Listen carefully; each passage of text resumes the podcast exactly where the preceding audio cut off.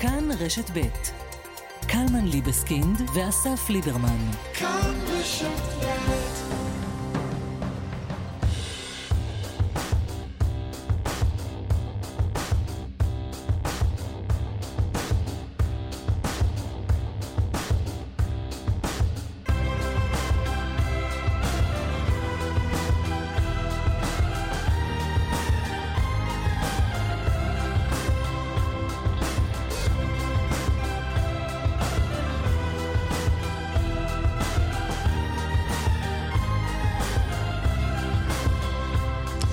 שבוע טוב. שבוע טוב, שבוע, שבוע, שומעים? שומעים? כן, לא. כן. עכשיו כן. איך אתה אני יודע? שומע. אה, אז למה אתה כן, שואל? אם אני שומע, כי לפני זה לא שמעתי. אה. מה המצב? היית צריך להגיד לא שומעים אז שומע. פונה לעצמך בעצם. אה, המצב מעולה. אני מדבר בשם העם. כן? כן, בטח, מה? למה לא? לא יודע. קצת קר. לא, לא קר. אה. לא קר. אה, לא. לא. בוא תגיד לי פשוט מה שלומי, ו- ונגמור עניין. לא יודע. מה, אני יודע מה שלומך. מה? אתה מסתובב כבר יומיים בלי טלפון. יום, יום, יממה. יום. כי- לא, פחות מיממה. למה? בוא, ספר מה קרה. סיפור מעניין. אני אמרתי שאני הבטחתי שאני מתראיין לקרן נויבך על הנושא הזה, אני לא יכול... אה, לא סותר, תתראיין גם לקרן נויבך. אה. עכשיו אני פה. אוקיי. אה, מה שקרה, אפשר אבל, אה, אפשר אבל בעילום שם ובעיוות קול? ב- עיוות קול לא, עילום שם כן. אז תקרא, איך תקרא לי? א', א'. אנחנו עם א', לא, תן לי שם אחר. תן לי שם אחר. דעות אחרת? לא משנה לי. איזה שם היית רוצה? אה, משהו... משהו ש- מלומה. מלומה. כן. אוקיי. כן, מלומה. אה, יש לך סיפור מעניין, מיוחד. לא, לא כזה מעניין. תראה, אה, הלכתי עם הילדים, עם המשפחה, כולה, עם אשתי. הלכנו למקום בתל אביב. פארק המסילה, אם אתה ממש מתעקש. מקום מאוד מאוד נחמד להסתובב בו בשבת. הרבה אנשים, מה קרה? מה אתה צוחק? מישהו שאל אם נפל לך טלפון לבריכה וגילו. לא. אבל ממש לא רחוק מזה. לא, לא רחוק. לא רחוק. אוקיי. אה, הכ- החננו את האוטו באיזה חניון ליד. עכשיו, אני, אני לא אוהב להסתובב עם הטלפון כשאני מבלה עם המשפחה, בטח בשבת. אני... שזה יפה. תודה רבה. לא רק בגלל השבת. בכלל, היכולת לא להסתובב עם הטלפון. כן, אבל ביום, ביום עבודה אז אתה, אתה, אתה, אתה זמין. אז אני כן מסתובב עם הטלפון למרות שזה, אבל פה, אז השארתי את הטלפון, ולקחתי את הטלפון מלכתחילה, כי אני צריך את הטלפון ל... להתעסק עם החניון, נגיד, שלם בפנגו, סלופארק, כל הדבר הזה. אז השארתי את הטלפון באוטו, והלכתי עם משפחתי. אני חוזר לאוטו, כל מיני דברים שהיו לך ב... יש את המושב הזה, איך קוראים לה? תא הזה בין המושבים? כן. המסעד יד, איך קוראים לדבר הזה? מה שאמרת, זה זה. אז שם גם היה הטלפון, אבל אני רואה שכל מיני דברים שהיו שם מפוזרים על הכיסא לידי, ליד, ה- ליד הנהג, וכל מיני דברים שהיו, כל מיני, אתה יודע, כרטיסי ביקור, או, או תגיות, כל מיני כאלה, הכל... ואני אומר, אוקיי, בסדר, אולי, אולי אשתי הוציאה, חיפשה משהו כש... אחרי שאני יצאתי... אה, ואז אני גם רואה שאחת הדלתות, מהבהב לי שאחת הדלתות פתוחה באוטו. ואז אני מחפש גם את הטלפון, ורואה שהטלפון לא שם. פתאום מישהו פרץ לי לאוטו ולקח את הטלפון. ומאז אני בלי טלפון. ובאופן די מפתיע, כן. אתה לא סובל מזה. תראה, קודם כל כשאני קם ללכת, נגיד עכ- עכשיו, כשהיינו חדר ליד ונכנסנו לאולפן, אוטומטית אינסטינקטיבית אני... אני לא יודע, רגע, איפה הטלפון ולמה הוא לא עליי? מכיר את זה, במשך תקופה ארוכה סבלתי בשבתות מרטט בכיס. כן. ממש אמיתי, כן. היה- הייתי מרגיש רטט בכיס כשאין טלפון. אה, אני לא, אה, זה כמה, זה, יש חוסר נוחות, כי יש כמה דברים, נגיד, יש דברים שיש רק באפליקציות ייעודיות, ייעודיות לטלפון, ו... לא יודע, אפליקציית שתיית המים נורא חסרה לי. נורא חסרה לי אפליקציית שתיית המים. זהו. אם הם מסדרים לך איזה אפליקציה ניידת... תראה, כי באופן משונה מאוד, הוואטסאפ ממשיך לעבוד דרך המחשב. כן, אבל אתה לא מסתובב עם מחשב בכל מקום. וגם אי אפשר לתפוס אותך ב... יש אנשים שמצלצלים, לא? זה יתרון, או זה. יתרון אולי. כן? לא, משפחה, משפחה צריכה לתפוס אותי.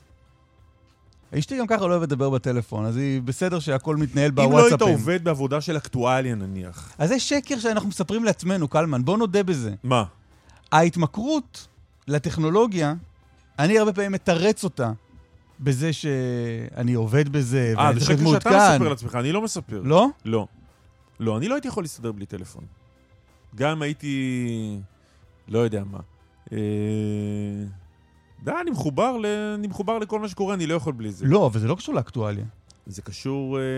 זה קשור לצורך להיות מחובר. נכון. בדור אז- שצריך להיות מחובר. אז זה מה שאני אומר, זה בדיוק, זה בדיוק מה שאני אומר. אני, אנחנו, כאילו, שוב, אנשי תקשורת מספרים לעצמם שזה בגלל שהם מתעסקים בזה, אבל לא, הם מתעסקים בזה בגלל הצורך הנפשי להיות מחוברים וכו'. פעם נתתי לאשתי להקים אה, חוות בודדים בנגב, ולעזוב את הכל ולהתנתק מכל הדברים שאנחנו תקועים בהם כל החיים, הלוואי, וללכת לעסוק בחקלאות. הלוואי.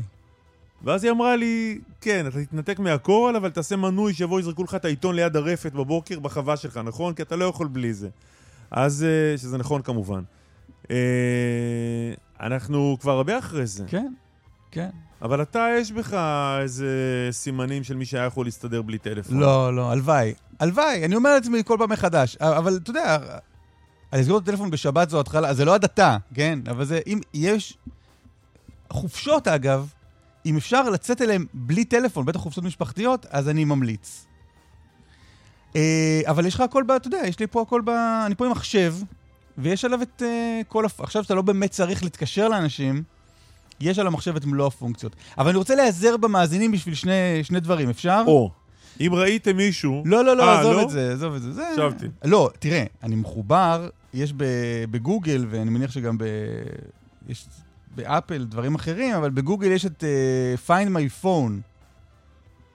אז אני, יש לי מפה, ואני אני רואה שהטלפון מנותק כרגע, כלומר, הטלפון כבוי. מה זה מפה? אתה לא רואה איפה הטלפון נמצא. אני רואה איפה הוא היה לפני 18 שעות, אני יודע איפה, הנה, אני מראה לך איפה חניתי. אה, הגנב לקח את הטלפון וניתק אותו. ולכן זה last seen אה, 18 hours ago, אוקיי. אז זה פה, וזה לא מתעדכן מאז. אה, לא, אז אני לא צריך אה, את עזרת המאזינים, למרות שתודה רבה שהצעת בשמם. אה, שני דברים אני אשמח לשמוע מהמאזינים. אחד, איך קוראים לדבר הזה? איך קוראים ל... זה לא תא כפפות, תא כפפות זה הקדימה. תא, זה כן, התא שיש לך בין שני, בין שני הכיסאות. אני אשמח לשמוע הצעות לזה. אוקיי. השטג קלמן ליברמן בטוויטר, וגם בטלגרם, הערוץ שלנו קלמן ליברמן. וגם שמישהו יסביר לי את הטכנולוגיה, איך אני עדיין מצליח לתקשר בוואטסאפ דרך המחשב כשהטלפון כבוי. אמ, הטלפון כבוי, ואני מתקשר כאילו באמצעותו דרך המחשב. שמישהו יסביר לי גם את זה בבקשה. טוב, אני יודע מי לא יודע להסביר לך דברים כאלה. נכון, סחבק, מה שנקרא. נכון. טוב, אה, מה יש לנו היום? אה, יש לנו עוד רגע את חברת הכנסת אורית סטרוק מהציונות הדתית. יושבת ראש סיעת הציונות הדתית, זה מה שכתוב, יושבת ראש הסיעה? לא פחות. לא פחות. אה, מדבר איתה על אה, נתק אה, סמוטריץ'-נתניהו. ועל עוד כל מיני דברים. כן, ובשעה הבאה, בתשע, יהיה איתנו חבר הכנסת מיקי, הוא יושב ראש סיעת הליכוד, נכון? לא? מי יושב ראש סיעת הליכוד? לא מיקי זוהר? לא יודע. לדעתי מיקי זוהר. לא כתוב כאן, אז הוא לא. רק מה שכתוב. אה, מיקי זוהר יהיה איתנו. כל אחד מהצד שלו על, על בעצם הנתק שמונע את אה, הרכבת הקואליציה החדשה. מה קורה עם הדבר הזה? אה, מואב ורדי יהיה פה עם אה, שערונת קטנה שנולדה סביב אה, רעיון שהוא קיים עם... אותו מלומה, אותו מלומה, האיש שגנבתי לו את שמו. כן. מלומה הוא כוכב פופ לטיני, למי שלא יודע, כוכב ענק בינלאומי, והוא משתתף במונדיאל, השתתף במונדיאל, בטקס הפתיחה, אה, במקום שבו אחרות סירבו. שקירה לא בא, דואליפה לא בא, כנראה במחאה על אה, מה שקורה בקטאר והיחס שלהם לזכויות אדם. אה, ומלומה קם ועזב באמצע הריאיון, כש... אה, שאל אותו בנושא הזה, נדבר עם מואב. ואחר כך עם אלומה, אם נרצה לדבר. אה, אז האזרבייג'נים, הזרים, הולכים לפתוח פה שגרירות.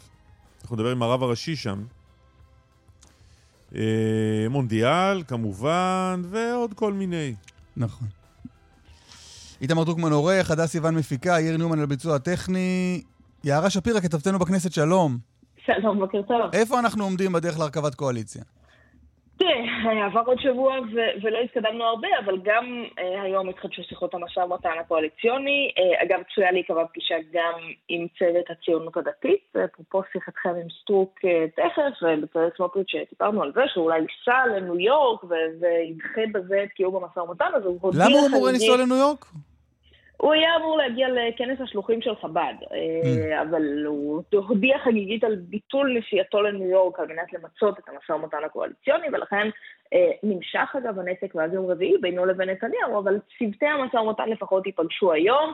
אה, והמסר שמעבירים מאז אמש, אה, מהליכוד לסמוטריץ' וגם לדרעי אגב, זה תקשיבו, תסגרו ביניכם.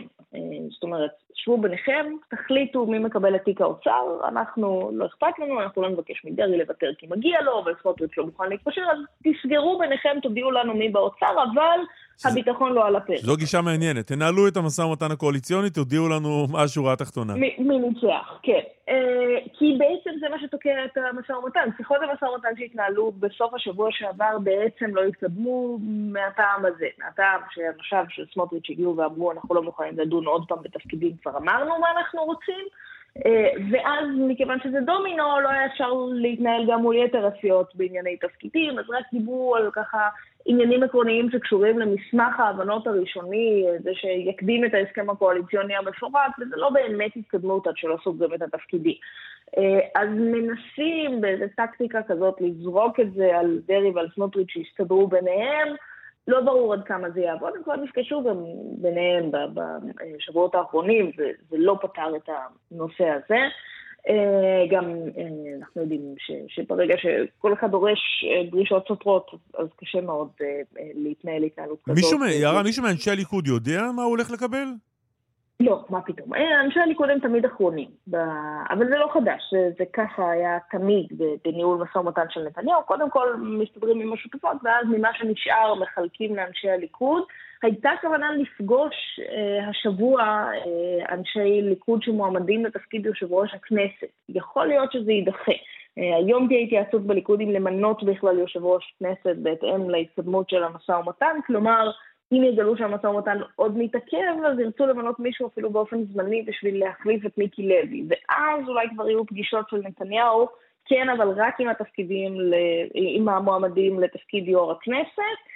אה, כן, אני יכולה לספר לכם שיש החלטה שיו"ר כנסת, גם אם זמני, יהיה רק מהליכוד. זאת אומרת, לא גפני ולא דרעי, אה, היו סיפורים כאלה שאולי אה, הם ימונו, הייתה החלטה סופית שזה לא, שרוצים. למנות מהליכוד. אז זה מה שקורה כרגע, פחות או יותר. אוקיי. יערה, תודה רבה. תודה. חברת הכנסת אורית סטרוק, הציונות הדתית, שלום. תנסה. אתה. שלום, שלום, בוקר טוב, שבוע טוב. מה נשמע? ברוך השם, כמו אחרי שבת חיי שרה. איך זה מרגיש? הקלמן יודע מה זה. אז אה, קלמן יתראיין מיד אחרייך בנושא הזה, אבל... סגור אצל קרן לא, הוא נויבך. חווה את זה פעם, הוא התארח פה פעם בשבת חיי שרה ויצא מאוד מאוד נרגש, נכון. אני זוכרת, כתב על זה גם, אז ככה גם אני עדיין באורות של השבת, ברוך השם, היו לי פה, לא יודעת, בין עשרות למאות אורחים רק בבית שלי ובכל העיר 30 אלף. שבת מאוד מרוממת, מחזקת, אה, מדהימה, באמת מדהימה, ומעייפת ברמות שאין לתאר. אז, זה- זה מה נשמע אצלי. ו- ובכל האור והשמחה הזו אצלכם, התעדכנת? שמעת בזמן אמת על המהומות שהיו בחברון? אה, בזמן אמת הבנתי שמשהו קורה כי עצרו את הסיורים, לא אפשרו לאורחים שלנו למשל שרצו ללכת לקבר עתניאל בן קנז, אה, עצרו את הסיור ולא אפשרו להם ללכת ואמרו שיש אה, בעיות, אז הבנתי שיש בעיות, לא הבנתי מאיזה צד, הייתי יותר מדי טרודה בלהגיש ושוב להגיש ושוב למזוג ושוב לארח ושוב לשים עוד נייר טואלט בשירותים וכן הלאה.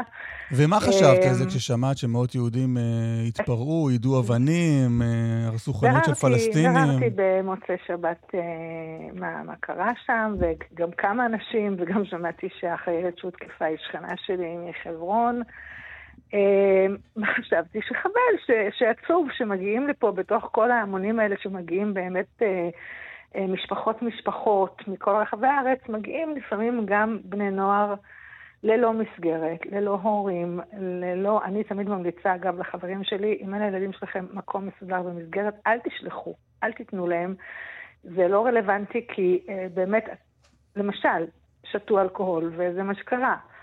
וזה עצוב, וזה חמור גם, זה, זה גרוע. לא, היו שם מאות אנשים, אני לא חושב שכולם היו, אני לא חושב שכולם היו תחת השפעת... כן. אני בר... לא, תאמין לי, אה, ביררתי כמה היו, ביררתי מה היה מצבם. היו שם פחות מאחוז מכלל האורחים שהיו כאן 30 אלף איש, כפי שאמרתי. וזה, וזה באמת לא, לא, לא במקום חמור, גרוע, מצריך טיפול, צריך לחשוב לקראת הש... השנה הבאה איך אנחנו אה, משתדלים למנוע הגעה של, של אנשים כאלה, אבל בוודאי לא על חשבון ההמונים העצומים שרוצים להגיע. ואתם יודעים מה, גם צריכים לחשוב איך בעזרת השם חברון תהיה מסוגלת לקלוט 30 אלף איש באופן שהם לא יצטרכו לישון על הרצפה בתוך אוהלים. אה, אתם יודעים, יש המון אנשים שרוצים לבוא לחברון, ואין פה לא מספיק דירות, לא מספיק בתי מלון, ולא מספיק אה, תנאים נאותים לארח את כולם. מי שרוצה להקים בית מלון, שיקים בית מלון. תגידי... לא, אה... מה זה שיקים בית מלון, קלמן? אני לא מבינה מה אתה אומר.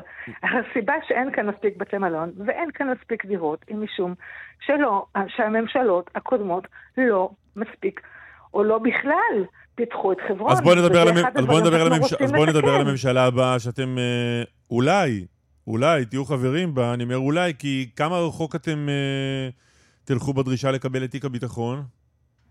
אה, רחוק מאוד, משום שזה מה שאנחנו הבטחנו לבוחרים שלנו. אנחנו הבטחנו לבוחרים שלנו טיפול בסוגיות הליבה הלאומיות והקריטיות. אה, כמו מלחמה בטרור, וכמו שמירה על ארץ ישראל, וכמו מה זה נלך רחוק מאוד? זה או ביטחון או מה? ומה זה או, או, או מה? אנחנו חושבים שבין שותפים לא מתנהגים בצורה כזו. אתם, אבל, אתם, חושבים... אבל אתם, יש משא ומתן ואתם רוצים ביטחון, ונתניהו לא רוצה לתת לכם ביטחון. זה המצב כרגע. המצב כרגע הוא הרבה יותר חמור מזה שהוא לא רוצה או כן רוצה. המצב כרגע הוא שהוא מתייחס אלינו לא בתור שותפים אלא בתור איזשהו סוג של uh, סרח עודף, ש...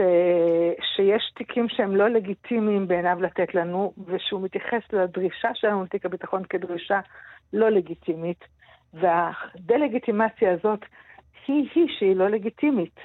לא יכול להיות שאנחנו בסך הכל מבקשים את מה שהבטחנו לאורך כל מערכת הבחירות, ולא שמענו לאורך מערכת כן, הבחירות. כן, אבל אתם הבטחתם, הוא לא הבטיח. לא שמענו לאורך מערכת הבחירות. אפילו פעם אחת את נתניהו אומר שההבטחה הזו שלנו היא לא לגיטימית. כן, אבל נתניהו לא מחויב ואנחנו... להבטחות... רגע, אורית סטרוק, נתניהו לא מחויב, לא מחויב להבטחות שלך לבוחר.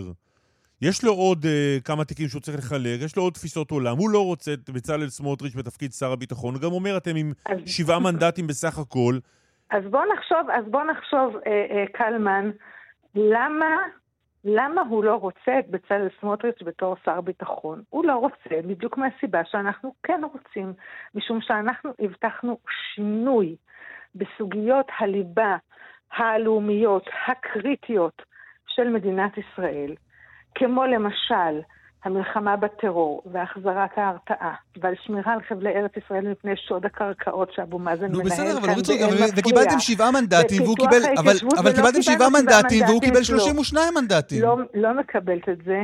לא מקבלת את מה שאתה אומר. אוקיי, תפני לבוחר בחזרה. למעלה מחצי מיליון אזרחים ואזרחיות הצביעו בפתק ט' עבור ההבטחות האלה. קיבלנו על הפתק הזה 14 מנדטים. גם היום אנחנו מתואמים באופן מלא. איתמר בן גביר התנתק מכם. יש שתי לא, לא סיעות לא, נפרדות. איתמר בן גביר מנהל משא ומתן מול בנימין נתניהו, אבל... ובצלאל סמוטריץ' מנהל משא ומתן מול בנימין נתניהו. לא, זה לא מדויק. נכון, אנחנו מנהלים משא ומתן בנפרד, אבל אנחנו תומכים באופן מלא אחד בדרישות של השני, ואיתמר רק ביום שישי האחרון אה, הוציא הודעה לתקשורת. שהוא תומך באופן מלא בדרישה של בצלאל סמוטריץ'. אורית תומך, תומך, אבל איתמר בן גביר עם כמה... מנ... ולא רגע. ייכנס לממשלה רגע, איתמר בן גביר, כמה... כשהוא בא לנהל משא ומתן... כן, לא, אבל אני... אפשר לשאול שאלה תוך כדי? באמצע המשפט שלי אתה רוצה שאלה? תראי, אני לא יודע, אני לא יודע איך את נוהגת לנהל דיאלוג, אני מדי פעם, את מדברת, אני מדבר, אבל בסדר. אם נורא קריטי לך לסיים את המשפט, אז בבקשה. תודה, תודה. אה, איתמר בן גביר הוציא הודעה שהוא תומך באופן מלא בדרישה שלנו לתיק הביטחון ולא ייכנס בלי זה. המשמעות של הביטוי הזה, כמו שאנחנו גם התבטאנו ביחס אליו ולדרישה שלו לביטחון הפנים, אה, שיש כאן בלוק של 14 מנדטים שאומר אלה הדרישות שלנו, בשביל זה המצביעים שלנו הצביעו לנו. אוקיי. הם הצביעו לנו כי הסוגיות האלה סטרוק. בוערות בליבם, והם ש- לא מוכנים שנמשיך להתנהל. תראו, אני נוסעת שאיתם- היום אבל אפשר לשאול שאלה, אורית סטרוק? אבלים. עכשיו שאלה, בבקשה. תודה רבה. איתמר בן גביר מנהל משא ומתן עם נתניהו. כמה מנדטים יש לו כשהוא מנהל משא ומתן עם נתניהו? גם את כל ה-14 שלנו אנחנו... אה, כלומר לו איתמר בן גביר מנהל. משא ומתן עם 14 מנדטים, ובצלאל סמוטריץ' מנהל משא ומתן עם 14 מנדטים, כלומר יש כוח של 28 מנדטים שהמצאתם, שנהל משא ומתן עם נתניהו. לא, לא המצאנו, אבל אנחנו חושבים בהחלט שכשיש מפלגה גדולה כזאת, או רשימה גדולה כזאת, אני מדייק את זה, בסדר? של 14 מנדטים, שאומרת, אנחנו נחושים לשנות את הגישה, גם בתחום הביטחון, גם בתחום ההתיישבות וגם בתחום ביטחון הפנים. אי אפשר להתייחס לדרישה כזו שלמעלה מחצי מיליון אזרחים הצביעו בעדה כדרישה לא לגיטימית. ומה שעושה הליכוד ב... בימים האחרונים זה שהוא מתייחס לדרישה כלא לגיטימית, והדה-לגיטימציה הזאת היא לא לגיטימית בעינינו, כך לא מתייחסים לשותפים. אני מזכירה שלולא השותפות שלנו, הנחושה, ואנחנו יכולנו במהלך השנה הקודמת, שנה וחצי הקודמת, לקבל כל תיק שנחפוץ וכל דרישה שנחפוץ, אם היינו אה, קופצים לממשלת אה, בנט-לפיד עבאס, ולא עשינו את זה. ולא עשינו את זה. היינו שותפים מלאים לדרך. אני, אמתכם הנאמנה, הייתי שותפה על מלא לבכירי הליכוד במאמץ להפיל את הממשלה הקודמת. אפשר לומר שנתניהו היום הוא המועמד לראשות הממשלה במידה עצומה בזכותנו כשותפים. אז אני חוזר שזה- רגע לשאלה הקודמת. ו- ולא יכול אומר- להיות שיתייחסו אלינו בצורה כזאת. כך לא מתנהלים בין בעצם- שותפים. מה שאתם אומרים כך לא לנתניהו זה... מתנהלים בין שותפים. מה שאתם אומרים בעצם לנתניהו זה או תיק הביטחון או אין ממשלה? אנחנו אומרים שכך לא מתנהלים בין שותפים. זה אמרת, אבל אחרי אומרים- זה, בואי נוריד את זה אנחנו- לפרקטיקה. כן, נוריד לפרקטיקה. אנחנו אומרים שתיק הביטחון מבחינתנו הוא קריטי. הסוגיות שעומדות על, הפרק, ולכן, ולכן או תיק הביטחון או שאנחנו לא שבש- בממשלה? שבשבילן צריך את הסמכויות שיש בתיק הביטחון, את הסמכויות שמאפשרות לבנות כמו שצריך, גם בחברון וגם בכל לא, ההתיישבות. נימוקים ברורים, אני הולך אבל לפרקטיקה. את הסמכויות ולכן- שאפשר, שמאפשרות ול- להחזיר אבל- את ההרתעה מול אורית סטרוק, הטרור. לכי איתי רגע לשורה התחתונה, ולכן כן. בפרקטיקה, מה שאת אומרת לנתניהו זה או תיק הביטחון או שאנחנו לא בממשלה הזו? מה שאני אומרת לנתניהו זה שהציבור אמר את דברו, הציבור רוצה שינוי אמיתי, ואם הוא חושב להוביל אותנו להמשך ההתנהלות שהייתה את לא לאורך סומכת על שנים, נתניהו או על שר מהליכוד שיוביל את ה- את השינוי הזה שאת מדברת עליו? אני חושבת שציבור גדול ועצום אמר שהוא דורש שינוי, שהוא לא מוכן שדברים ימשיכו להתנהל בנושאים בסדר, האלה יש שינוי, היה בני. גנץ, יהיה עכשיו יואב גלנט, זה לא, לא, שינוי, לא, לא? לא. הציבור דורש שינוי גם ממה שהיה בממשלות ימין קודמות, שלא התנהגו מספיק שוב, ימין. ולכן הדרישה הבלעדית לא שלכם זה תיק הביטחון? ביטחון. כן, אמרנו את זה כבר. אנחנו, אנחנו אגב, הצענו כמובן, הצענו כמובן גם את תיק האוצר, משום שתיק האוצר מאפשר אה, נקודות השפעה, אמצעי השפעה על מה שקורה גם בתיק הביטחון וגם בתיקים אחרים. בסופו של יום כלומר, אנחנו או רוצים... צר או ביטחון או שאין ממשלה. אנחנו רוצים להיות בעלי הסמכות להשפיע על הנושאים הקריטיים. תראו, אנחנו עכשיו קראנו בתורה פרשת חיי שרה, ראינו שאברהם אבינו מתעקש לקנות את מערת המכפלה ולא מוכן לקבל מעפרון את ההבטחה, תשמע, כל פעם שיהיה לך מישהו לקבור, תבוא אליי, אני אקבור לך אותו, הכל יהיה בסדר, במבחר קברנו, קבור את מתיך. הוא לא הסכים לקבל הבטחות, הוא רצה שיהיה לו ביד את הסמכות להתנהג עם מערת המכפלה כבעל הבית של מערת המכפלה. זה בדיוק מה שאנחנו אומרים. אנחנו אומרים, אנחנו לא מוכנים להיות תלויים בחסדים בסוגיות הכי קריטיות של okay. אה, אוקיי. אה, אה, ביטחון מדינת ישראל, ההתיישבות במדינת ישראל, אוקיי. שעות הקרקעות הגדול של הרשות הפלסטינית, לא מוכנים יותר להתנהל באופן שלא נותן בידינו את הסמכויות בנושאים האלה. אפשר לקבל את הסמכויות האלה באופן ישיר דרך משרד הביטחון, אפשר לקבל אותן באופן עקיף אוקיי. אה, דרך משרד האוצר, שדרכו אפשר להשפיע על, גם על תהליכים חשובים נוספים, אבל להישאר בלי הסמכויות האלה, ולאפשר שוב את הקפאת ההתיישבות, את שוד הקרקעות אוקיי. הגדול, את הפיגועים. אני נוסעת היום לשני ניחומי אבלים. זה, זה נורא, זה נורא מה שקורה עם ההשתוללות של הטרור, ואנחנו צריכים להיות בעלי השפעה אמיתית בנושאים האלה, ולא כאלה שהם רק שתדלנים. בשביל. לא להיות שתדלנים, אנחנו צריכים את הסמכויות ביד, זה כל כך פשוט, כל כך ברור, אז זה הלכנו לבחירות, את זה הבטחנו. טוב, בעניין אחר, בעניין אחר, מה את חושבת על אה, אה, התלונות נגד הרב טאו? אין לי מושג, אני עוד לא צללתי לעומק הסוגיה הזו. אה, לא צריך לצלול, לא, את לא צופה בטלוויזיה או שומעת רדיו מדי פעם? שומעת רדיו ורואה טלוויזיה, אבל אתה יודע, זו סוגיה רגישה משני הצדדים, ואני מודה שעדיין לא הספקתי לרדת לעומקה. מה יחסך לרב טאו? אמ, הרב טאו הוא לא הרב שלי, כידוע לכם, הוא הרב של אה, מפלגת עוצמה, אבל הוא אה, רב חשוב בעם ישראל. אני מבינה שאתה נותן טענות קשות. אני שוב אומרת, אין לי שום מושג. לא ירדתי ל- לעומק הדברים, ולכן אני מעדיפה לא להתבטא. לא לכאן ולא לכאן, כי זה לא יהיה הוגן כלפי אף אחד מה... מהצדדים. אני באמת, אה, עם כל מה שקרה פה בשבועות האחרונים, לזה לא הספקתי להיכנס. חברת הכנסת אורית סטרוק, הציונות הדתית, תודה. תודה גם לכם.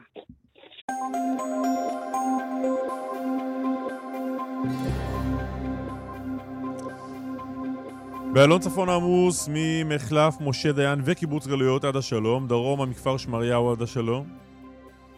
דרך החוף דרומה עמוסה ממחלף חבצלת עד מחלף גשר השלום בנתניה ובהמשך מגרש עד גלילות.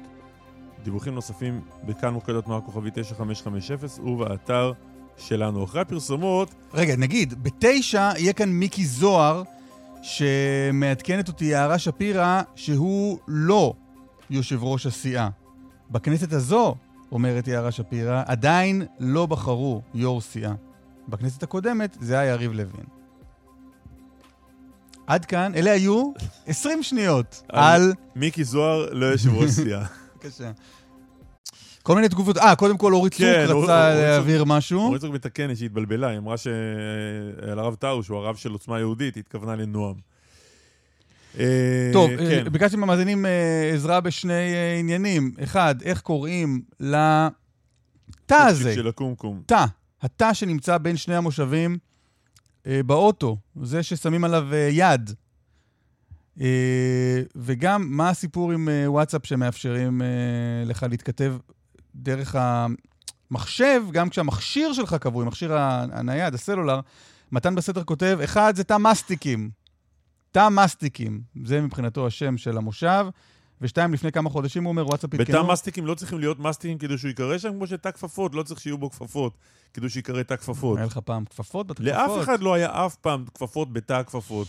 אה, לפני כמה חודשים וואטסאפ עדכנו שהמחשב עובד באופן עצמוני. אה, אה, טיו כותב, מושב מרפק, או כל בו רכב, או תא כיפות. תא כיפות.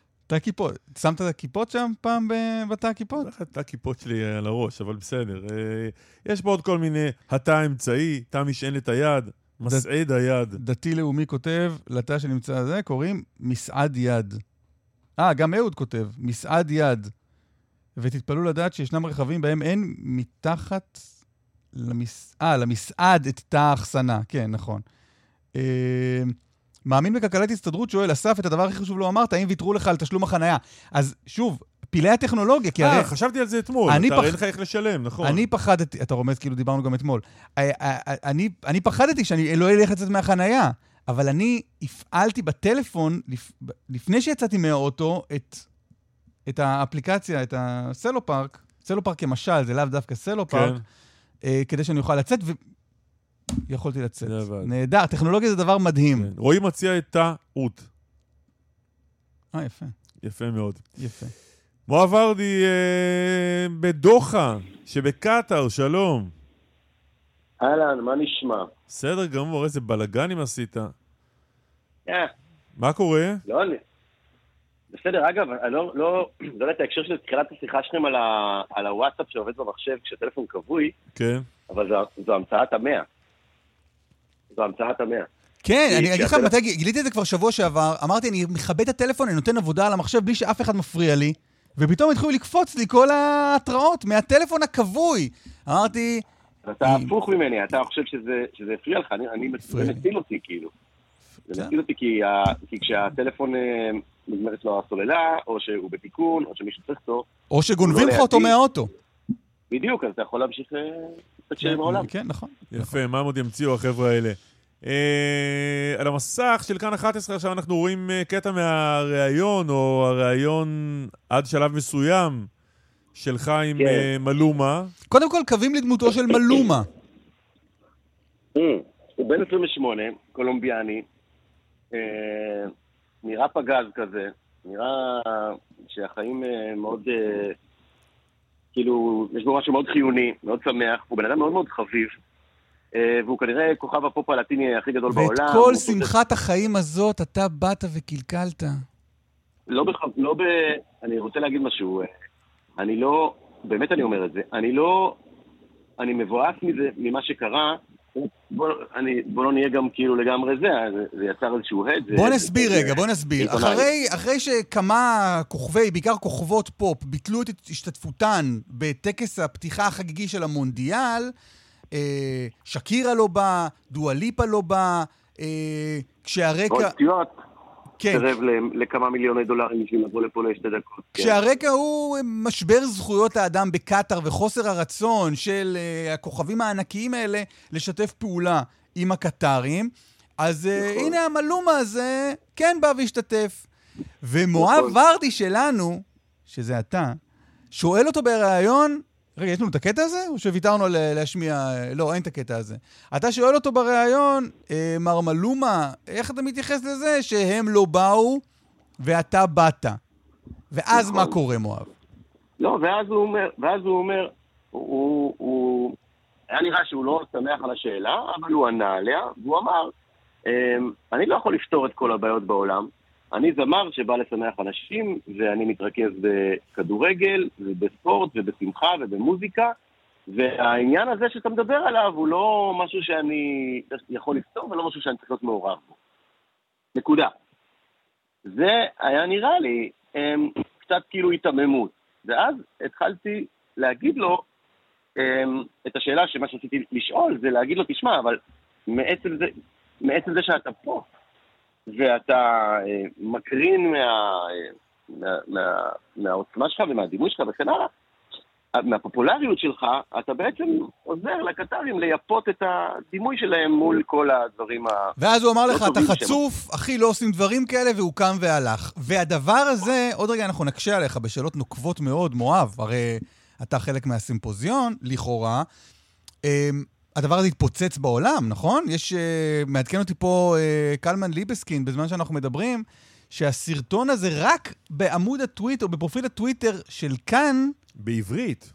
השיג 2.6 מיליון צפיות. כן.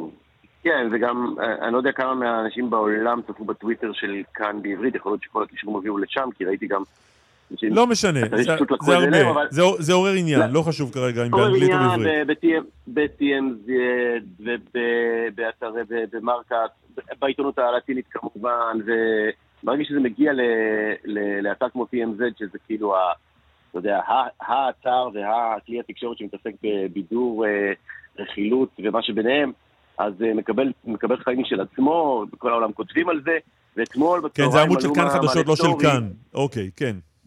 בדיוק, ואתמול בצהריים מלון מעלה סטורי, שבו הוא, אה, שבו הוא כותב אה, שהוא הוא בעצם מגיב לסערה שנוצרה. והוא כותב, אני פה בשביל להאמין, ב, לשים את הדגל שאני מאמין בו, שזה תרבות וספורט ומוזיקה, ואני בא לעשות טוב לאנשים. מי שלא רוצה לבוא לפה, זו זכותו, זה בסדר, אבל אני פה מתמודד עם המציאות, ואני אמשיך לעשות אה, את מה שאני רוצה, שזה... עכשיו, מה. אומרים נגדך, מואב? בעצם נגדנו. מה, מהי הצביעות הזאת, חברים? אתם, כאן, הקמתם אה, אולפן נוצץ, אה, גדול, זו הזדמנות לפרגן לאולפן הנוצץ והגדול והמרשים, של כאן בדוחה, ובכלל, סימפוזיון, שדרים, עניינים, בלאגנים. אתם שואלים את מלומה איך הוא משתף פעולה עם האירוע? אתם משתפים פעולה עם האירוע. אז אני אגיד לך מה אני חושב. אמ, ואני אה, אני, אמ, אני, אני אגיד את זה ככה. קודם כל, אמ, דין מלומה לא דין כערוץ משדר. אני אסביר, אני אנסה להסביר למה. פיפ"א החליטה שהמונדיאל יהיה פה. אני חושב שזו טעות.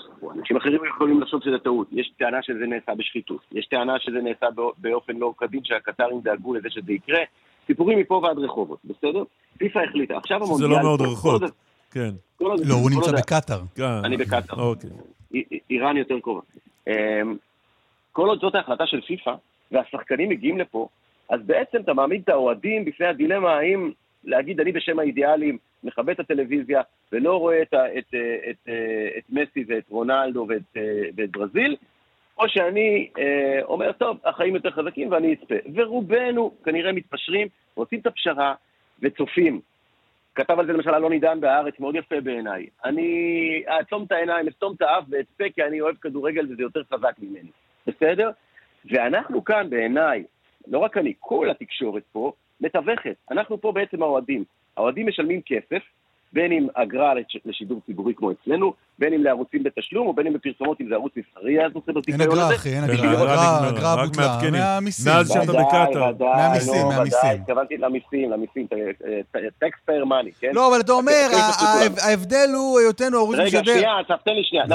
אנחנו משלמים כסף. אחי, מה? הצופים באמצעותנו משלמים כסף בשביל לראות את זה.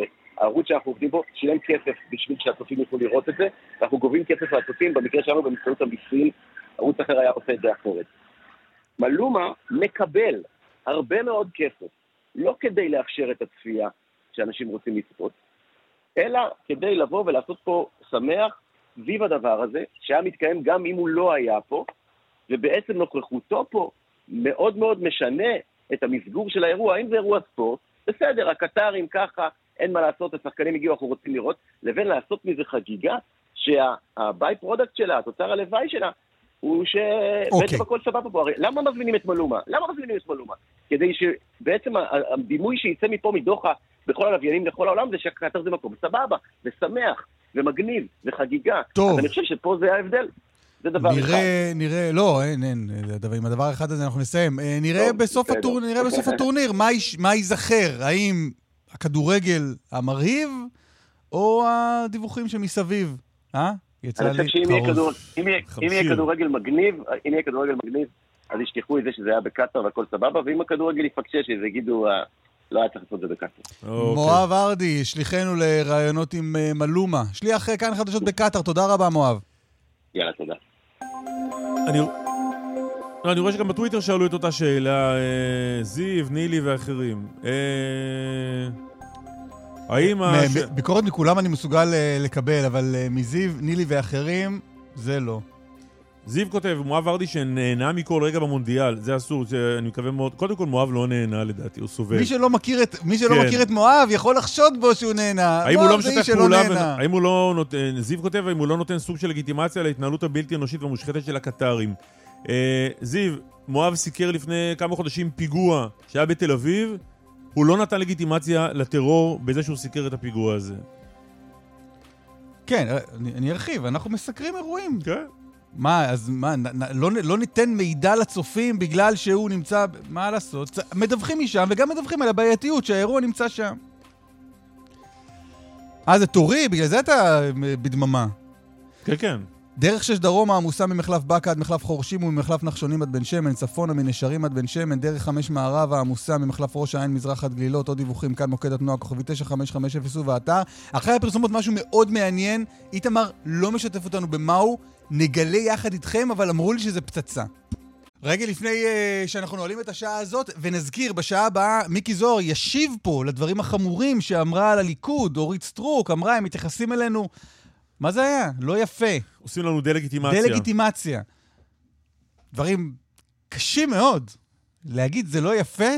זה לא יפה. שמע, הרבה שנים אנחנו מסקרים פוליטיקה. זה אחד הדברים הבוטים שנאמרו פה. נראה מה מיקי זוהר יגיד לה. האם הוא יגיד לה, אני לא רוצה לדמיין אפילו שהוא יגיד לה, עטפויה. או לחילופין יותר חמור, יגיד לה, זה דווקא כן יפה. וואי, וואי. זאת הסלמה. הסלמה של השיח. שיח נורא מידרדר בזמן האחרון. אגב, הסלמה, הדס גרינברג כתבתנו שלום. כן, אחלה הפניה. מה קורה. במלחמות בין ארגוני הפשיעה? אה, כן, טוב, אז אה, ב- בשעת אה, לילה מאוחרת שתי המכוניות של ראש ארגון הפשע, יוסי מוצלי, הוצתו מחוץ לביתו בסביון, השכונה היוקרתית והשקטה בדרך כלל. אה, במרכז וגם יריות אה, נורו לעבר אה, ביתו, במשטרה בעצם פתחו בחקירה.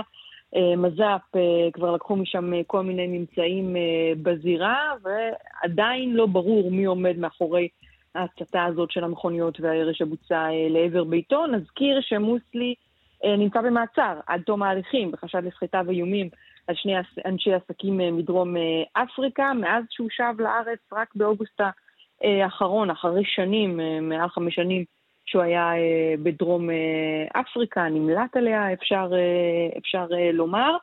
ונסיים ונאמר, חברים, שהעולם התחתון מתחמם מאוד, כי בסוף השבוע הזה נעצר גם ראש ארגון הפשע אייל נגר, היורש של בני שלמה שנרצח לפני חודש אה, וחצי, היה מספר שתיים שלו, יד ימינו, הוא נעצר, שוחרר, נכון לכרגע יש עיכוב, אה, יש אה, ערר שתגיש היום אה, ככל הנראה המשטרה, והמעצר הזה של נגר מגיע בעקבות העובדה שלמשטרה יש לטענתה מידע מודיעיני שהוא תכנן לנקום את החיסול של בני שלמה, ובקיצור, כמו שאמרתי, העולם התחתון מתחנן בימים האלה. תודה, הדס. בבקשה. שעה הבאה גם מיקי זוהר, גם אזרבייג'אן. מה אזרבייג'אן? מה קרה? יש, אה, הם הולכים לפתוח בשגרירות. אה, איזה אנחנו נדבר עם כיף. מישהו משם. אה, גם, גילו שתי גלקסיות חדשות. שתי גלקסיות, ומה אתה עשית אתמול? אני... אל תגיד לי. מה זה אומר? מה זה אומר שגדלתי או, בגן בבקשה, עשר? בבקשה, עושים נדבר על זה. טוב לנו? וגם חזי עמיור עם שיר אה, על הכיף כיפאק. גם אסון צור. פחות על הכיפאק.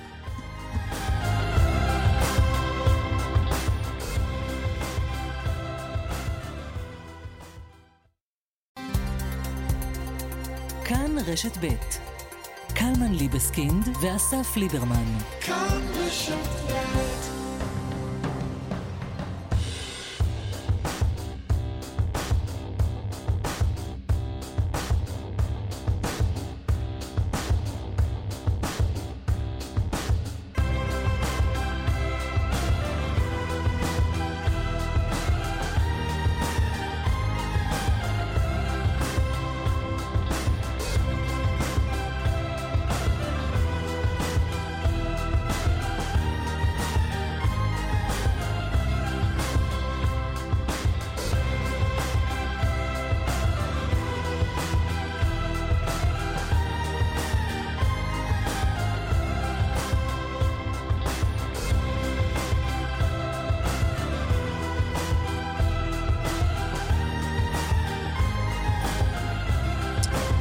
טוב, אה, עוד רגע מיקי זוהר איתנו. רציתי לספר לך משהו קטן.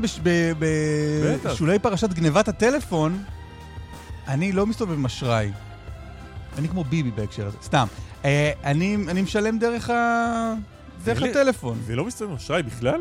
בכלל. עכשיו כן, כי אין לי טלפון. אין לך... בארנק בשגרה אין לך כרטיס אשראי? לא מסתובב עם ארנק, זה העניין. לא מסתובב עם ארנק. כן, לא מסתובב עם ארנק. מה יש לך ארנק? תעודת זהות, לא למה יודע. אני צריך תעודת עוצר אותך זהות? שוטר, אומר, אדוני, תזדהה, תעודת זהות בבקשה. קודם כל, יש, יש חוק שקובע שאתה כבר לא מחויב אה, להציג תעודת זהות. באמת? כן. אתה יכול להשתמש בכל אמצעי זיהוי אחר, ויש לי מלא דברים בתוך הטלפון שיזהו אותי. אל, אל דאגה. המצאות. אה, שנית, שוטר, אתה חושב שפוגש אותי ברחוב, לא יודע מי אני? אה, סליחה. אומר לו, זה אני ההוא שמשדר עם קלמן. כן, עוזבים אותך. בדיוק. או שעוצרים אותך רק על זה. אה, אבל מה שרציתי להגיד זה שאני משלם דרך הטלפון, יש כרטיס אשראי שמוטמע בטלפון. כלומר, אם אתה לוקח לי את הטלפון, אתה יכול לשלם בשבילי בכל חנות וחנות. אז התקשרתי, מהדרך כבר הביתה, התקשרתי לחברת האשראי וביקשתי לבטל את הכרטיס. והיא ביטלה את הכרטיס, ואז היא אמרה, טוב, אני שולחת לך כרטיס חדש, יגיע לך תוך כך וכך ימי עסקים, ויהיה לך 30 שקלים. אז אמרתי לה, "אה, לא, אז אל תשלחי כרטיס אם זה הולך אה, 30 שקלים. המשלוח עולה 30 שקלים. או. כל האירוע. הנפקת הכרטיס. הנפקת הכרטיס, המשלוח, זה 30 כן. שקלים. אז אמרתי לה, אז אל תשלחי כרטיס. היא אמרה, אז מה, תהיה בלי כרטיס? אמרתי לה, כן, יש לי עוד כרטיס, אה, לא צריך. אם זה עולה 30 שקל, אז לא צריך. ואז היא אמרה, עשתה כזה דבר. רגע, אז תן לי לראות אם אני יכולה לבטל לך את הכרטיס. אז תן לי לראות אם אתה יכול לא לשלם תמורת כרטיס חדש. כן, אתה יכול לא לשלם תמורת כרטיס חדש. וזהו. שיטת מצליח. שלהם, כן. לא הצליחו. לא הצליחו הפעם. יפה מאוד. ואני אעשה כמעשה שלום אמסטרדמסקי ואני אפציר בקהל מאזיננו לא לשלם עמלות. אין, אין צורך. הם, הם יסתדרו בלי זה, אתם תסתדרו בלי זה, הכל בסדר. חבר הכנסת מיקי זוהר, הליכוד, שלום. שלום, בוקר טוב. מה העניינים? מעולה, מה מעולה? הכל בסדר גמור. לא, לא הכל בסדר גמור, זה לא נכון. הרוב בסדר גמור. הרוב. או, או. הרוב. אין ממשלה. מדינה דמוקרטית, הרוב קובע. כן. אין ממשלה. תהיה ממשלה. אני חושב שמה שקורה כרגע זה משא ומתן אה, שקורה כמו כל אה, משא ומתן, אף פעם הדברים לא תמיד אה, מושלמים ומסתדרים כל כך מהר כמו שאנחנו היינו מצפים. אה, ככה טיבו של משא ומתן. אני מקווה שהשבוע תהיה פריצת דרך לקראת אה, הקמת הממשלה בעזרת השם. אבל זה מוזר נורא. קודם כל, איפה נתניהו טעה? כלומר, מה, מה הוא לא לקח בחשבון? כשהוא אמר, אני ארכיב ממשלה תוך שבועיים, כלומר, נציג את הממשלה יחד עם הכנסת החדשה, מה הוא לא לקח בחשבון? מה הוא לא הבין? אני חושב שלא לקחנו בחשבון את ההתעקשות אה, של סמוטריץ', שהיא אה, עובדה. עם יתר הסיעות הייתה התקדמות אה, מאוד מאוד משמעותית, וכבר דברים כן עומדים להיסגר לגמרי. בנושא של סמוטריץ' יש עדיין אי הבנות ואי הסכמות, ואנחנו מקווים שהם גם הם יסתדרו בהקדם. אני רק רוצה להגיד דבר אחד, כל דקה שחולפת... לא, מה דבר אחד? יש לנו כמה דקות. לא, אפשר לא, להגיד יותר אני- מדבר אחד. אני אגיד כמה דברים, אבל בשלב הזה אני אגיד דבר אחד. אוקיי. כל דקה שחולפת, באה הממשלה הזאת ממשיכה אה, לשבת אה, בתפק... בתפקידה, אה, ישראל משלמת מחיר. נעשים מחטפים, הדברים במשרד... אז יאללה, תנו לו כבר מיד את. תיק הביטחון ותסגרו את זה, מחר יש ממשלה. ואנחנו רואים את זה דרך אגב, אני גם מקבל כל הזמן הרבה מאוד מידע על כך שהרבה מאוד מחטפים נעשים במשרדי ממשלה שונים, כי הממשלה הנוכחית... וזה לא- יותר גרוע מבצלאל סמוטריץ', שר הביטחון? מה יותר תראה. גרוע, הממשלה הזו או סמוטריץ', שר הביטחון? אני אגיד לך משהו, אין כאן עניין של גרוע או לא גרוע. יש כאן עניין של תיק מאוד מאוד חשוב לליכוד, שנקרא תיק הביטחון. אני חושב שהליכוד הוא זה שצריך להחזיק בתיק הביטחון, וזה לגיטימי שראש הממשלה המיועד, בנימין נתניהו, ירצה שבסיעתו, במפלגתו, יהיה התיק הבכיר הזה. אבל כבר נתתם את התיק הזה בעבר יותר מפעם אחת לסיעות אחרות, יותר קטנות משל בצלאל סמוטריץ'. תראה, זה קצת אבסורד, כי אנחנו מהווים חצי מהקואליציה, 32 מנדטים מתוך 64.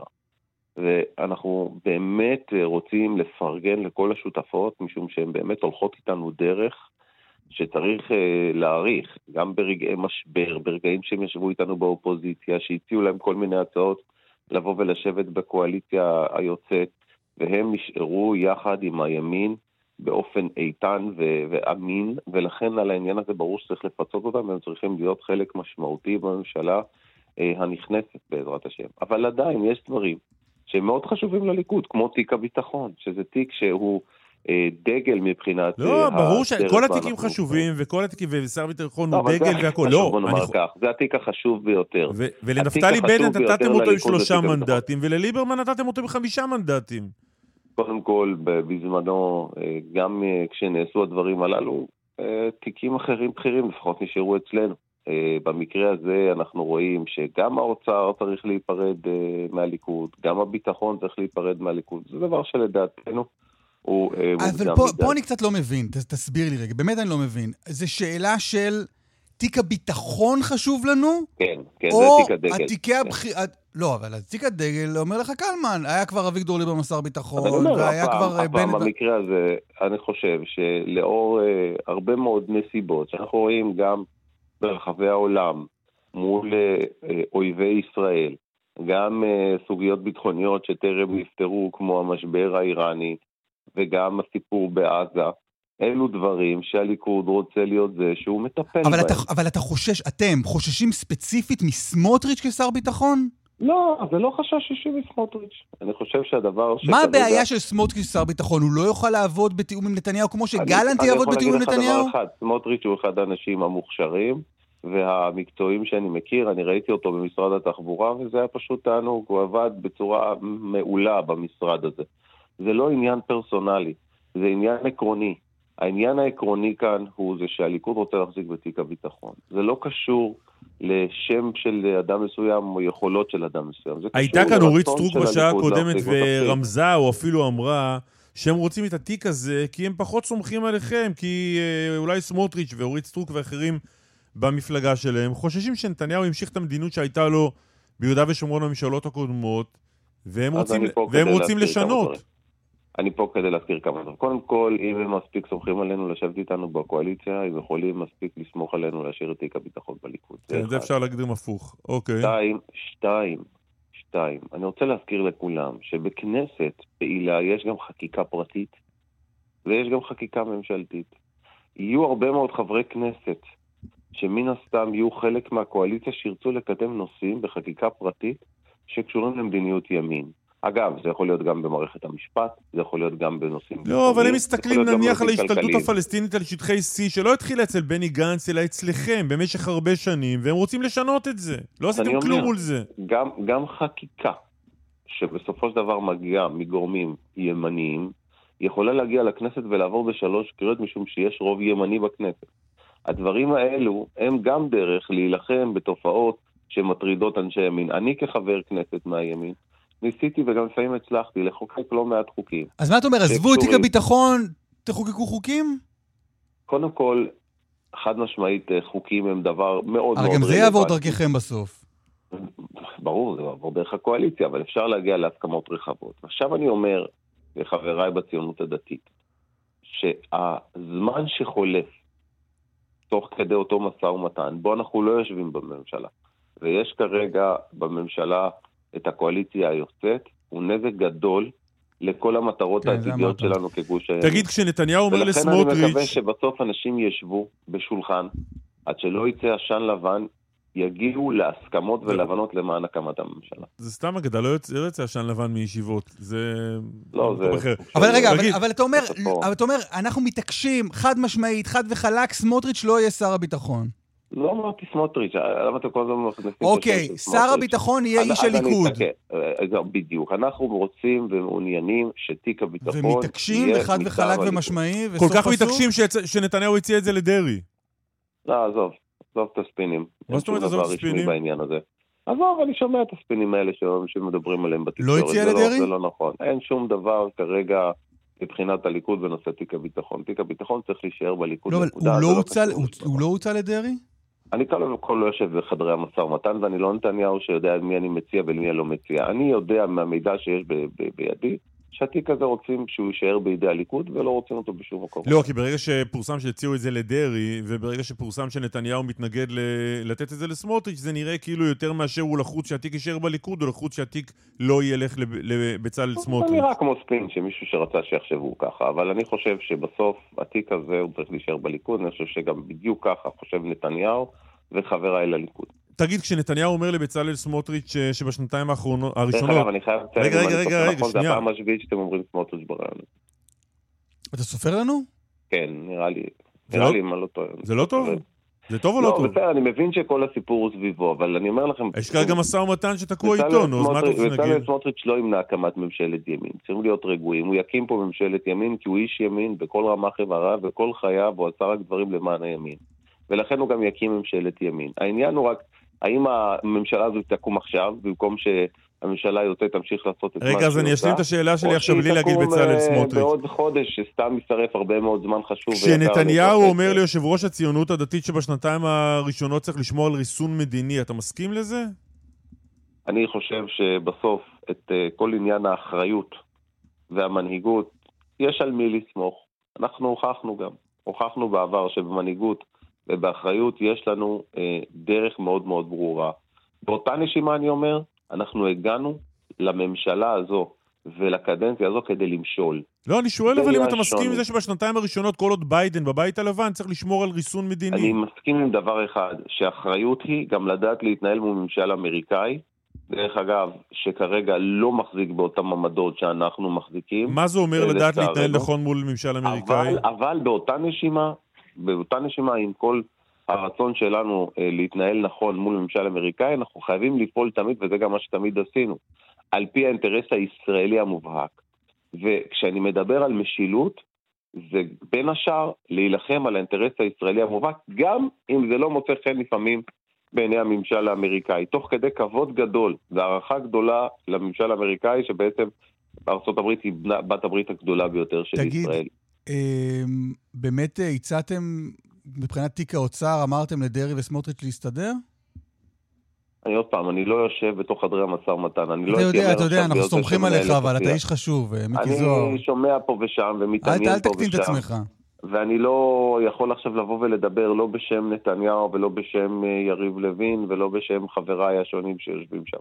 אני יכול לדבר בשם חבר כנסת מהליכוד, שמתעתד בעזרת השם להיות חלק מהממשלה הבאה, ורוצה להיות חלק מהממשלה הבאה, ורוצה שהממשלה הזו כבר תקום. ואני אומר לכם שכל השיחות שמתקיימות היום סביב סוגיה אחת, האם התיק הזה, שנקרא תיק הביטחון, ל- לאדם מסוים, זו טעות, זה עושה נזק בסופו של דבר לישראל, משום שאנחנו מאבדים זמן יקר בהקמת ממשלה. זה מה תגיד, שאני אומר. אה, נתניהו התחייב לאיתמר בן גביר שתוך 60 יום הוא מסדיר את ההתיישבות הצעירה. אתה מאמין שזה קורה בתוך 60 יום?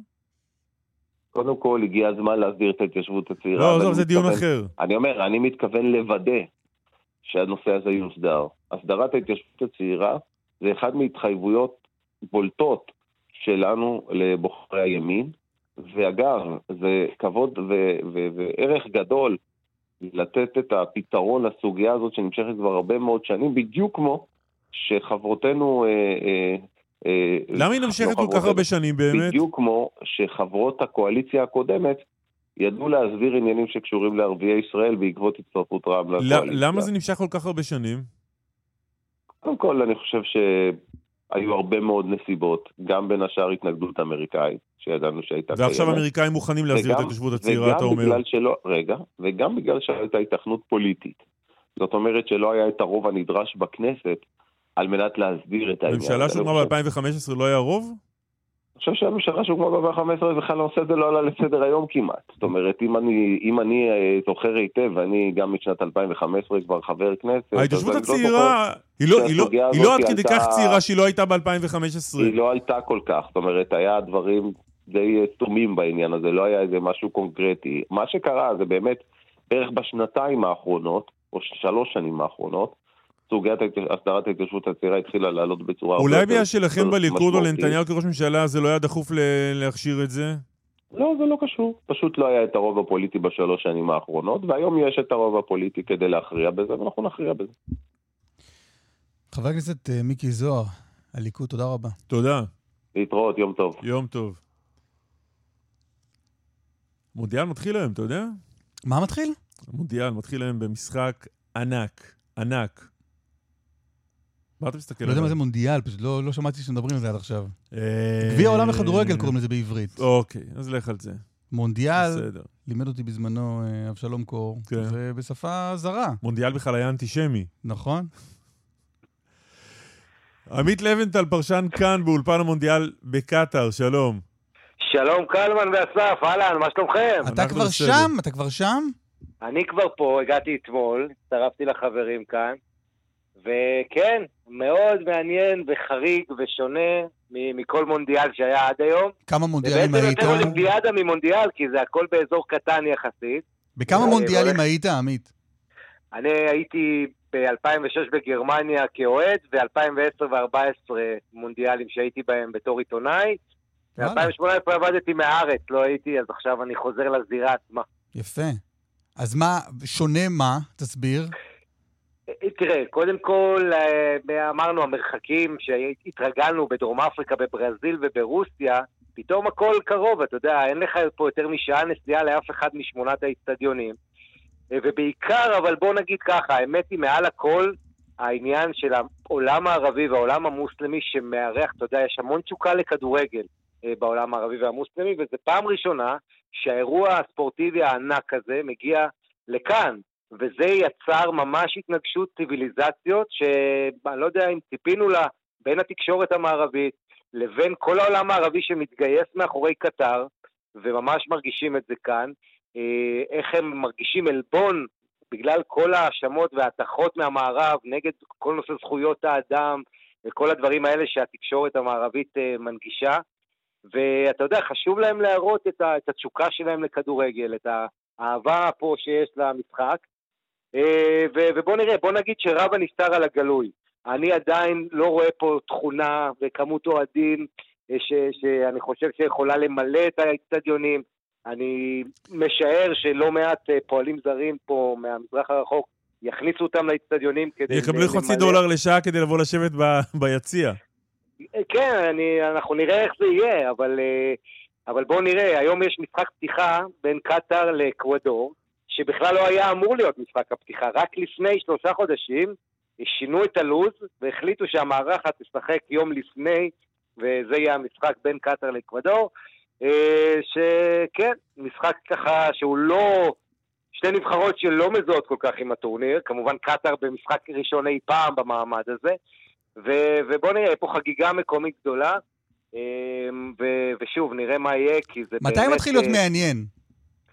אה, מחר. מבחינת מחר כדורגל. מחר כבר יש לך 100, בעצם שלושה משחקים ביום, כולל אנגליה נגד איראן, כולל סנגל מול הולנד אה, ווילס נגד ארצות הברית. מחרתיים כבר יהיו ארבעה משחקים ביום, כולל ארגנטינה, מחרתיים על הבוקר, זאת אומרת 12, אחת שעון ישראל, 12 שעון פה, הפוך, סליחה, אחת שעון פה, 12 שעון ישראל, אנחנו, אנחנו שעה קדימה פה. אה, וכן, תשמעו, קצת חם ביום, זה נכון, אזור ה-30 מעלות, בערב מאוד נעים. אה, האיצטדיונים ממוזגים עם מערכות מודרניות, משוכללות, אה, אבל בואו נראה את התנאים ומה יגידו המשתתפים, השחקנים עצמם. כמעט לא דיברנו על כדורגל אה, עד כה, אבל תן איזה מילה, מי, מי, מי הכוכבים הגדולים של, ה, של האירוע הזה, ומי תנצח בסוף? לטובת מי שאין לו כוח לצפות בכל המשחקים, בוא רק תגיד מי בסוף מנצח. ובסיפור של הימים האחרונים, מי לא מגיע? בדיוק. אני רוצה, לפני שאני אגיד מי לא מנצח, אני רוצה לציין את האירוניה הכי גדולה שהיה אפשר לחשוב עליה. אנחנו בעולם הערבי. זה אמור להיות חגיגה פה של האסלאם ושל העולם הערבי, והכוכבים הכי גדולים של הכדורגל הערבי ושל המוסלמים לא יהיו פה. לא מוחמד סאלח, לא קרים בן זמה, שחקן השנה בעולם, כוכב נבחרת צרפת, שנפצע ואתמול מודיעים הצרפתים שהוא לא יהיה בטורניר, לא סעדיו מנה, כוכב סנגל, גם הוא פצוע, אתה מדבר פה על שלושה מחמשת השחקנים הטובים בעולם בשנה האחרונה, שהם מוסלמים, שהם כוכבים ענקיים פה, היו אמורים להיות ולא יהיו. עכשיו לשאלה שלך, יש לא מעט נבחרות שרואות את עצמן כפייבוריטיות, אני חושב שארגנטינה וברזיל וצרפת, אלה השלוש שאתה יכול לשים עליהם את האצבע כפייבוריטיות הגדולות. אה, צרפת היא אלופת העולם המכהנת, עם המון המון כישרון, אבל יש גם הרבה פצועים. ארגנטינה עם מסי, שכולם רוצים שמסי יזכה סוף סוף במונדיאל האחרון שלו, בן 35, וברזיל כמובן, שיש לה את נאמר ויש לה הרבה איכויות. אני הולך עם ברזיל, אמ, ואני חושב שברזיל, עד היום היה מונדיאל אחד בהיסטוריה באסיה, לפני 20 שנה, אמנם במזרח הרחוק, אווירה אחרת, ברזיל ניצחה שם, מאז הם מחכים 20 שנה שזה יקרה שוב, ויש לי הרגשה שהם יעשו את זה הפעם עם הכישרונות הגדולים שעומדים לרשותם. יפה. עמית, תודה רבה לך. בשמחה, שיהיה לנו מונדיאל נהדר ושיהיה הרבה כדורגל טוב. בעזרת השם. תודה. ביי. בנימין כהן מצייץ בטוויטר, אולי אפשר שני שרי אוצר, אחד רגיל והשני חליפי. אני לא בטוח שזה לא יקרה בסוף. אה, אתה אומר אה, שני אלה. איזושהי חלוקה שם. דרך 443 מערב עמוסה מצומת שילת עד יער בן שמן, דרך ירושלים תל אביב עמוסה ממחלף קריית יערים עד שער הגיא, ממחלף ענווה עד בן שמן, ובהמשך ממחלף, ממחלף שפירים עד קיבוץ גלויות. דיווחים נוספים בכאן, מוקד התנועה כוכבי 9550 ובאתר שלנו. אחרי הפרסומות בין היתר על הסיפור המדהים של uh, אסון צור הראשון, 40 שנה אחרי, בודקים מחדש... מה קרה שם? דובי אייכנוולד הוא uh, המו"ל והעורך הראשי של ידיעות ספרים. שלום דובי. בוקר טוב, מה, שלום. מה נשמע? אה, מה נשמע? הכל בסדר. חזרתי מטרק אתגרי בקמבודיה, הכל בסדר. טרק אתגרי בקמבודיה. כמה אתגרי היה הטרק כן. האתגרי? אה, האמת שהיה אתגרי מאוד, אה, אתגרי מאוד מאוד, אבל חזרנו כולנו בשלום הביתה, אז זה בסדר. מה, תן, תן איזה משהו אה, מהאתגריות? אתה סומך על- אתה סומך על המדריך אה, הקמבודי שלוקח אותך שם בסבך, אה, ואתה מתוכנן לשמונה קילומטר עם מים, ואתה עושה 18 קילומטר בסופו של יום בלי מים ובלי תקשורת. היה לא נעים ולא פשוט, אבל, אבל כולנו בבית, זה לא אחד ש- עם שבר בכתף, לא- אבל לא הכריחו אותך, נכון? לא הכריחו אותי. התנדבת, כן. התנדבת. אחת לשנה אנחנו מי שלא מכיר אותה לא יודע שאתה. אתה איש שמתנדב, התנדבת לזה. התנדבתי, כן. התנדבתי לאתגר, כן. טוב, לא באנו לדבר לא על קמבודיה וגם לא על להיות ספרים, אה, אלא אה, איתך נדבר בשבתך כמי שהיה מפקד אה, מצ"ח בלבנון. ב-82, כן. אה, עת התרחש אה, אסון אה, צור הראשון, הבניין של הממשל הצבאי שלנו שם קרס. אתה היית בתוכו, נפצעת קשה מאוד. ניצול מבין הרבה אנשים שנהרגו שם במקום הזה. אכן, 76 הרוגים, 76 משפחות. 91 הרוגים, 76 אה, חיילים ועוד 15 חיילים. עצירים לבנונים. נכון, נכון. ו- ואנחנו מדברים איתך היום אחרי ההחלטה לבחון מחדש, להקים ועדה שתבדוק מה קרה שם. האם אכן פיצוץ בלון גז, כמו שזו הייתה גרסה רשמית עד היום, או, או פיגוע טרור, כמו, כמו שבעצם אנחנו יודעים שקרה, נכון? אה, כן, אה, אכן אה, הגרסה הרשמית שנקבעה ישר על ידי ועדת זורע מספר ימים אחרי האירוע, קבעו שזה היה פיצוץ גז. אה, לאחר מכן אה, הייתה חקירה הרבה יותר משמעותית ורצינית גם של, מצ"ח, גם של השב"כ, ואז בעצם נתגלה, אה, קודם כל בין חורבות המבנה נתגלו החלקים של הרכב פז'ו של ה-504, אנחנו יודעים היום מי המחבל שעשה את זה, אחמד כסיר שגר בכפר דיר קנו ליד צור. בסופו של דבר החיזבאללה עד היום מציינים את ה-11 ל-1182, יום הפיגוע, כיום יום אה, השהיד אצלם הוא נקרא, ונסראללה מזכיר כל שנה בנאום שלו את אה, אחמד כסיר. יש כפר, בכפר שלו יש אה, כיכר שלמה, יש עדויות שהוא, איך הוא נכנס לבניין. שנים רבות כבר יודעים שזה היה פיגוע טרור, פיגוע ההתאבדות בעצם עם מכונית תופת הראשונה. ויש כאן איזה סוג של closure, אני לא יודע, חסד של אמת למשפחות. שבעצם ה- אה, הנחת העבודה הישראלית עד היום הייתה שמדובר בפיצוץ של בלוני גז? כן, כן, אבל היה בזה משהו שמאוד... ולא פיגוע. לא פיגוע, היה משהו שמאוד הקטין את האירוע, הקטין את עוצמת האסון. החיילים בעצם אה, אה, הלכו אל מותם בגלל איזה פיצוץ אה, בלון גז, מה שיכול לקרות גם בתל אביב ובירושלים ביום-יום, בלי קשר ללבנון. וזה איזה, איזה פצע שהיה למשפחות השכולות הרבה מאוד שנים, הרבה מאוד שנים. אה, הפניות אליי היו רבות של הרבה משפחות, בוא תנסה לעזור לנו, בוא תעשה משהו, באמת, אני חושב שיש את רונן ברגמן שחקר ו- והפך את זה. תסביר, וזה- תסביר רגע את, אה, את, ה, את, רק האינטרס, את האינטרס הצה"לי להקטין את האירוע הזה.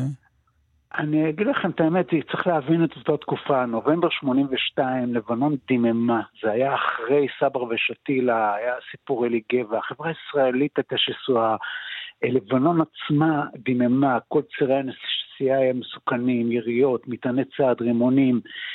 אה, היה משהו בעובדה שעברו על זה כזה בשקט, זה, זה, לא, לא, נת, לא נתנו לזה ביטוי. אני לא חושב שמישהו הלך כאן לטייח איזה מחדל מודיעיני שיכול להיות שידע, או לא היה כאן טיוח במובן העמוק של מישהו שחיפשו אשמים. לא, לא, לא זה מה שנראה לי לפחות. אבל דובי, תסביר לי שנייה, מה ההבדל? כלומר, למשפחה שאיבדה את בנה, זה חשוב אם זה, אה, זה קרה ב, ב, בגלל פיגוע או בגלל פיצוץ בלוני גז? אז קודם כל זה, זה המקום שאפשר להגיד, אל תדון אדם, אל תהיה לא, אני שואל, במקומו. אני שואל, לא- לא מתוך, אני אה, באמת, גם אני, גם אני, 30 שנה חטאתי בזה, לא דיברתי מילה על צור ולא סיפרתי והתנתקתי מהאירוע. ולא ראיתי משמעות אם זה, אם זה מחבל מתאבד, או שזה היה בלונגז. ואתה, כנראה... ואתה אומר שלמשפחות שאתה מדבר איתן יש משמעות. מאוד משמעות. אם הנכד יספר שהסבא שלו נהרג אה, במלחמת לבנון השנייה על ידי מחבל מתאבד, או הסבא שלו נהרג אה, כתוצאה מפיצוץ גז בבלון במטבח. כנראה שיש לזה משמעות גדולה מאוד, אני רואה את הכאב שלהם ואני שומע אותו. והם באמת לא, כמו איזה חסד של אמת שיביאו רגיעה לנשמותיהם. עכשיו זה מדובר ב-76 חללים. תחשוב, ילדים, נכדים, אה, אלמנות, זה האדוות של המשפחה, וזה חור שחור. אני גם חושב שזה בסופו של דבר הייתה ישראל השלישית אז. בוא, בוא, זה מה שהיה אז, זה, זה משמר הגבול ומשטרה צבאית. זה לא היה לא גולני ולא צנחנים ולא, ולא גבעתי. זה היה חיילים במדרג היותר נמוך, ולפיכך גם האבל הזה והשכול הזה, תמיד אני אומר, אסון צור הוא במדרג השכול, במקום הכי נמוך שיכול להיות בציבוריות הישראלית, לא יודעים עליו, לא רוצה להתחיל לעשות כאן השוואות, האם יודעים על, על uh, אסון המסוקים, ויש אנדרטה, ויש מקום לבכות של המשפחות, אז יש. כאן אסון יותר גדול, ואם תבדוק, אף אחד לא יודע בכלל. ואתה מאמין ש-40 שנה אחרי אפשר להגיע לאיזושהי שורה תחתונה? בסופו של דבר כן, כי החיזבאללה פרסם את הכל, הוא מספר איך עם אדמורניה יומיים לפני זה, אימא שלו מספרת את זה, יש את ההקלטות של הטלוויזיה הגרמנית ש...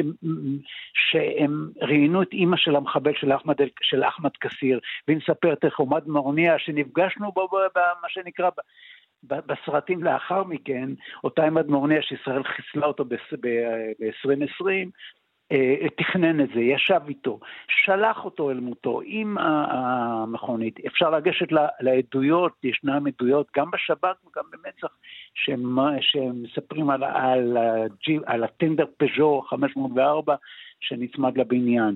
יש את השרידים של הטנדר בתוך חומרי החקירה, גופה, חלקי גופה בלתי מזוהה.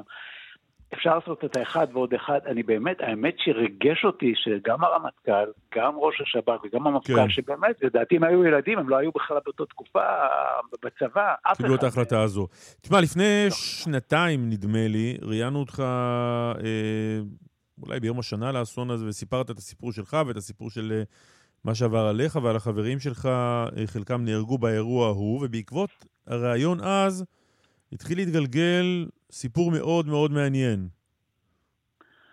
אז, אז אולי קודם כל אני אגיד אה, שלפעמים, אני רוצה להחמיא לכם, באמת להחמיא לכם על, על, על כוחה של תקשורת בסופו של דבר, גם באקראיות, אבל זה כוחה של תקשורת, ולדעתי, אם יש משהו שגלגל את ההחלטה הזאת, חוץ מהמשפחות ו- ו- וכל התחקירים, זה, זה התוכנית שלכם, זה גלגל את ההחלטה הסופית של ועדת החקירה.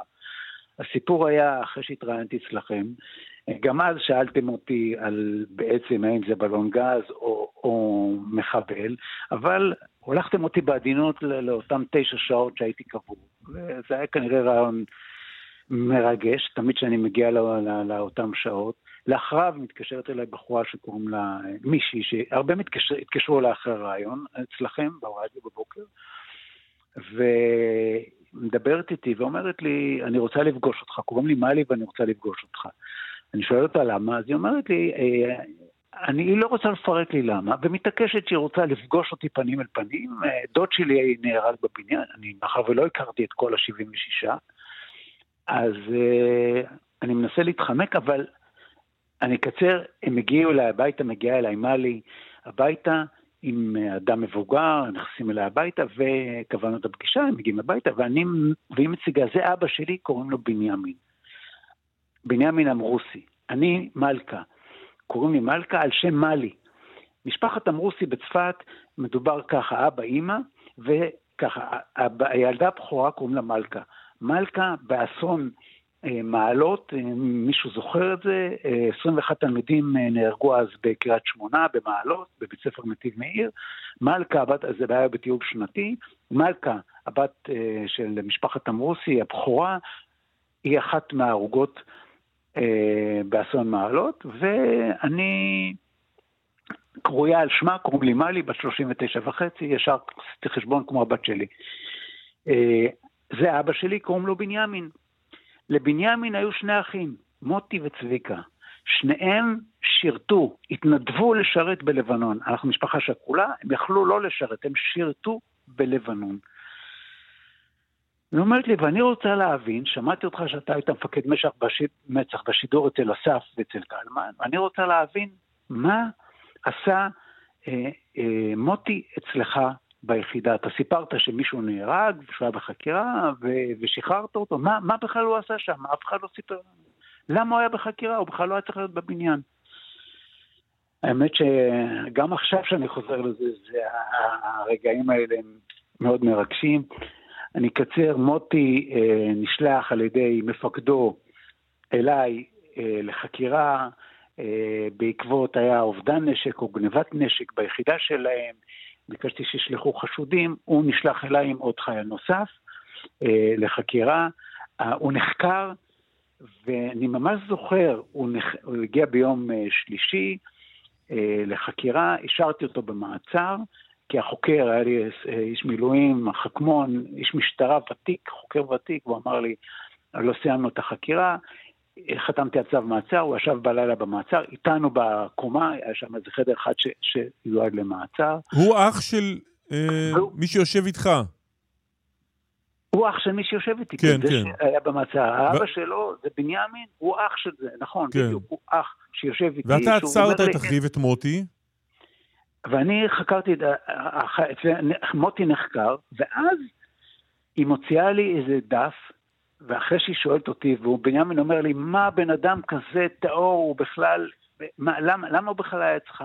והיא מוציאה לי דף, והיא אומרת, את הדף הזה מצא צביקה, שזה אח של מוטי, אחיו היותר צעיר, ששירת איתו באותה יחידה בנבטיה, מצא, עכשיו שאני, אני רק בשביל להבין, כשקרה האירוע והבניין התמוטט, זה היה האירוע הראשון בצה"ל בכלל של דבר כזה, עוד לא היה כל החלחילוץ, מה שהיום, כל התיאוריה, זה, כל החיילים באזור אה, נקראו לעזור ולפנות, ופשוט עם הידיים את שברי הבטון הם אספו. ואז צביקה מגיע לחפש... צביקה, ו, וצביקה מגיע בעצם לחפש את אחיו, הוא יודע שמוטי בבניין בחקירה. הוא, יודע, הוא לא יודע שהוא שוחרר, אני בכלל, ביום רביעי בצהריים, עוד לפני זה שחררתי אותו, זה היה ערב, לקראת ערב, פחדתי לשלוח אותו חזרה ליחידה, פשוט פחדתי, אני זוכר את זה. פחדתי, אמרתי אז לאיז'ו. רגע, דיברת, על, פח... דיברת על מה שנמצא אצלו, מה שצביקה מצא אצלו. צביקה מצא אצלו, בעצם הוא מצא אצלו מכתב. זה סוג של שיר שהוא כותב כשהוא היה בכלא, תפילה בכלא צור, הוא כותב את זה בעשירי ל-11, ביום שלישי בלילה, ביום רביעי בלילה, אה, ביום רביעי בבוקר הוא כותב את זה כשהוא היה בכלא, הוא כותב, יושב אני בכלא צור, הכלא קר וחודר, הכפור לא רואה ולא שומע, זה שיר ארוך, אני לא אקריא את כולו כאן, אבל שיר מזעזע שהוא מתאר אה, מתאר בעצם איך אני חף מפשע נמצא כרגע עצור. נכון, נכון. איך אני חף מפשע נמצא כרגע עצור בחקירה שלא לי ואין לי שום קשר אליה. אני רק אגיד שבצהריים אני שחררתי אותו, ובאמת החוקר אמר לי אין עליו שום דבר. אני זוכר את המקום שישבתי, אמרתי לו תוציא אותו, שיבוא לישון איתנו. הוא ישן במגורים איתנו יחד, בקומה. כלומר, לילה אחד הוא היה במעצר, ואז שחררתם אותו כי ניקיתם אותו מכל חשד. נכון, ניקינו אותו. ובלילה הבא הוא ישן איתכם בעצם, עם מי שחקרו... לא, בוא, נכון, בלילה הבא הוא ישן איתנו, והוא נהרג יחד עם יתר האנשים, כן. כן, הוא מצא את מותו יחד עם יתר האנשים. ומה המשפחה שלו ידעה כל השנים? המשפחה שלו, כמו שהאבא שלו בנימין אמר, המשפחה שלו לא ידעו גם על המכתב הזה. אבל הם ידעו שאתה ניקית אותו מכל חשד? הם לא ידעו. הם לא ידעו. הם, הם האמינו, הם לא האמינו לשנייה אחת, כמו שהוא אמר לי בנימין, אבא שלו, אנחנו לא האמנו אף פעם ש, שהיה לו קשר בכלל למשהו כזה. לצערי הרב, אה, צביקה, שמאוד מאוד רציתי לפגוש אותו, לא רוצה לדבר איתי ולא מוכן לפגוש אותי. אני מאוד ניסיתי לדבר. אבל דובי, רק כדי לחדד, אתה בעצם בפעם הראשונה לפני... כמה, שנתיים או מתי שזה... שנתיים אחרי השידור... בפעם הראשונה אחרי 38 שנים הם הבינו שבנימין הבין שהאח שלו, שכל השנים הוא חשב שהיה במעצר שם, נוקה. מכל חשד, הוא לא ידע את זה כל השנים. הוא לא ידע, הוא לא ידע בכלל, אני, נכון, הוא לא ידע. אני ניסיתי אחרי זה למצוא, אני זכר, זוכר את המזכר שהושבתי את שבתאי ואמרתי לו, תכתוב למה עצרת ולמה שחררנו ואין שום דבר, ושחתמתי והכנסתי לתיק. ניסיתי למצוא את התיק, לצערי גם התיק הלך בתהום הנשייה יחד עם כל החיילים ולא נמצא שום דבר. ניסיתי לעשות מעשים, מהלכים נוספים שיגבו ניידות, כולם ניסו לעזור לי, גם מפקד מצח ניסה לעזור לי, אבל המשפחה פחות רוצה להעלות את זה, זה מין חור שחור במשפחה, כמו שאומרת לי מעלי, חור שחור גדול ועצוב של 70 שנה, אולי 40 של... שנה. 40 שנה. 40 שנה. דובי אייכנוולד. תודה רבה, דובי. תודה לכם. להתראות. להתראות. דרך 41 מערב העמוסה מבני דרום עד צומת נמל אשדוד, איילון צפונה ממבוא איילון וקיבוץ גלויות עד השלום, דרומה מהרצליה עד השלום. עוד דיווחים כאן מוקדת תנועה כוכבי 9550 ובאתר. פרסומות ונחזור.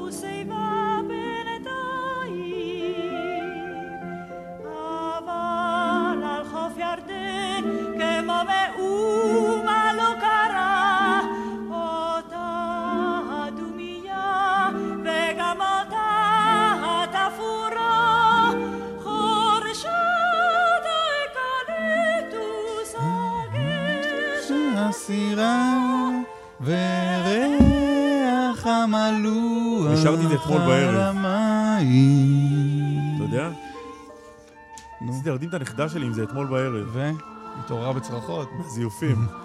דוקטור חזי אמיר רוצה אוסף ישראל בספרייה הלאומית, שלום. בוקר טוב. אה, כן, אז אה, אה, כשאימא באה הנה, ההנה זה קבוצת כנרת, שהיא הוקמה אמנם בעלייה השנייה, אבל לפני מאה שנה הצטרפה לכנרת קבוצה חזקה של חלוצים מווילנה, שהיא פתחה את פרק העלייה השלישית בכנרת, וביניהם היו ההורים של נעמי שמר, שהם נקודת המוצא של השיר הזה. אבא שלה, מאיר ספיר, היה אחד מאלה שבנו את אה, בתי הקבע הראשונים על הגבעה של כנרת של היום, אה, ולאימא שלה, רבקה ספיר, שמן הסתם הייתה יפה וצעירה.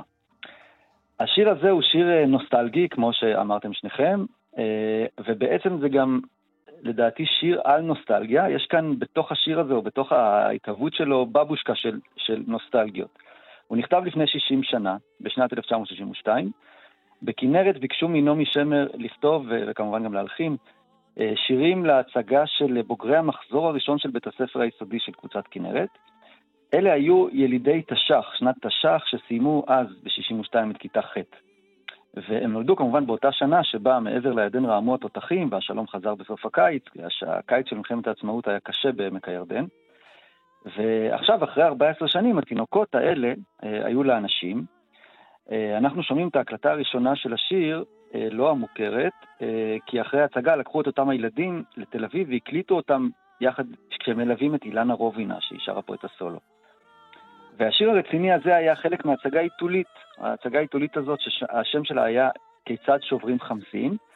בתיה יוגב מהארכיון של כנרת שלחה לי את המחזה, ושם רואים משהו מעניין. הנקודה שבה השיר שלנו מופיע, היא כשהילדים מתמרנים שם את המבוגרים לצאת בלילה מחוץ לקיבוץ כדי לחפש ספינת פיראטים שבאה מהכנרת, והמבוגרים פתאום רואים את הירדן ונזכרים בחוויות הילדות והנערות שלהם שם, כשהם היו עדת תינוקות, הם שכשכו שם רגליים, כשהם אה, גדלו הם, והיו לילדים, הם כבר למדו לשחות, ואחר כך כבני נעורים הם כבר חותרים בשניים. אבל לא, אלה לא רק המבוגרים, אלא גם הילדים האלה עצמם ששיחקו בהצגה, הם היו אז בני 14. יש פה נקודה ביוגרפית חשובה, שזאת הייתה בדיוק הכיתה של נעמי שמר עצמה, בתור בחורה צעירה, הייתה המורה שלה לריתמיקה בגן ובכיתה א', וכשהילדים האלה חזרו אליה אה, מבחוץ וסיפרו לה מה הם ראו בחוץ בקיבוץ, היא יצרה מהסיפורים שלהם את הסיפורים, כמו למשל אה, הדואר בהיום, או על האשכולית. אז הנוסטלגיה של המבוגרים היא גם סקירה של חיי הילדים שלהם בעצמם, אלה שמופיעים כאן. אבל בהצגה, הילדים הפיראטים שמתחבאים ושומעים את המבוגרים, פתאום מפליגים בתוך הנוסטלגיה, הם טועים בינם לבין עצמם, יש שם משפטים כמו, מה, הם חושבים להילחם בנו בשירה? או תשמעו איך הם משתפכים, כנראה נתקפו בזיכרונות. כי השיר היפה והבאמת תמים הזה, הוא מספר לנו איך עובד הגעגוע שלנו לעבר. החיים נמשכים, אוקיי. והתינוקות הופכים לאנשים. חזי, כבר נגמר לנו הזמן. אז, פשוט אז נגמר, לא, ככה, תם ממש עכשיו. אז אנחנו נודה לך, אז חזי אנחנו אמור. נמשיך לדורות הבאים. תודה רבה. איתן רבה, דוקמן תודה. ערך, הדס סיוון הפיק, יאיר ניומן על ביצוע הטכני, אהוד כל ממוקד התנועה. קאמה ליבסקין, תודה רבה. להתראות אסף, ביי.